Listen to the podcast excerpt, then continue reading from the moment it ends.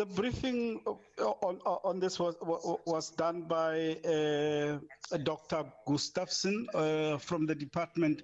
Basically, uh, the, the, picture he drew is that South Africa is not, uh, in terms of uh, the children who enter school and uh, eventually go through to NSC or National Senior Certificate, before the pandemic, it was standing at uh, 55%. That is 55% of learners went through to get their senior certificate. But he says since then, uh, after uh, 20, uh, after the after 2019, it has improved to uh, the level where it is now standing at 65%.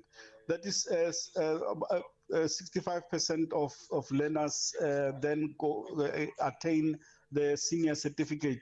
Uh, members uh, were some members were not very happy with the statistics, saying that uh, that improvement is too drastic. Um, maybe uh, the department should relook at uh, the way they get their statistics because the other the other people uh, like UNESCO, for instance, according to the department, says South Africa is standing at 50%, but the department insists that according to its own studies uh, South Africa is standing at 65%. And he says, and, and he says that this compares quite well with other middle income countries like Cuba, uh, Brazil, and others.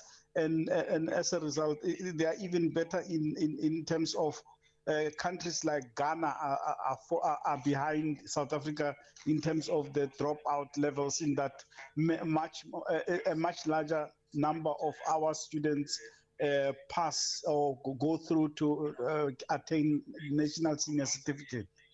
Very interesting. Uh, uh, did they at all touch on the contributing factors uh, regarding this trend, Joseph?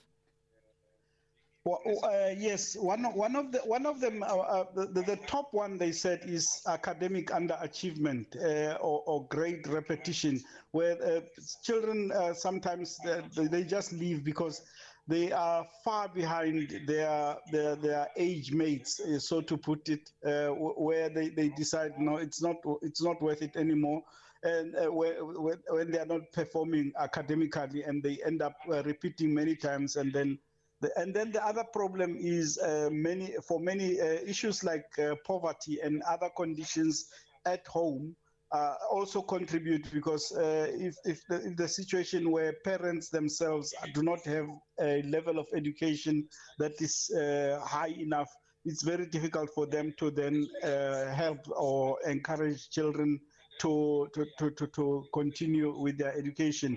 And uh, the, the, the big the other important uh, factor they released was that there are more males who drop out. Males are more likely uh, than females to drop out of the education system.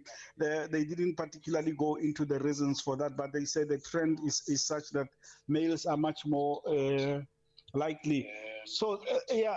those were the reasons they gave uh, for, for for the high dropout, and other members also uh, then uh, questioned whether some of the numbers that are said to be dropouts are just people moving from one province to the other because there's a there's a, very large movement of people in South Africa from one province to the other and the education systems or the provincial education systems do not talk to each other as to uh, as to, to indicate that that learner has not dropped out but has moved on to another area of the country.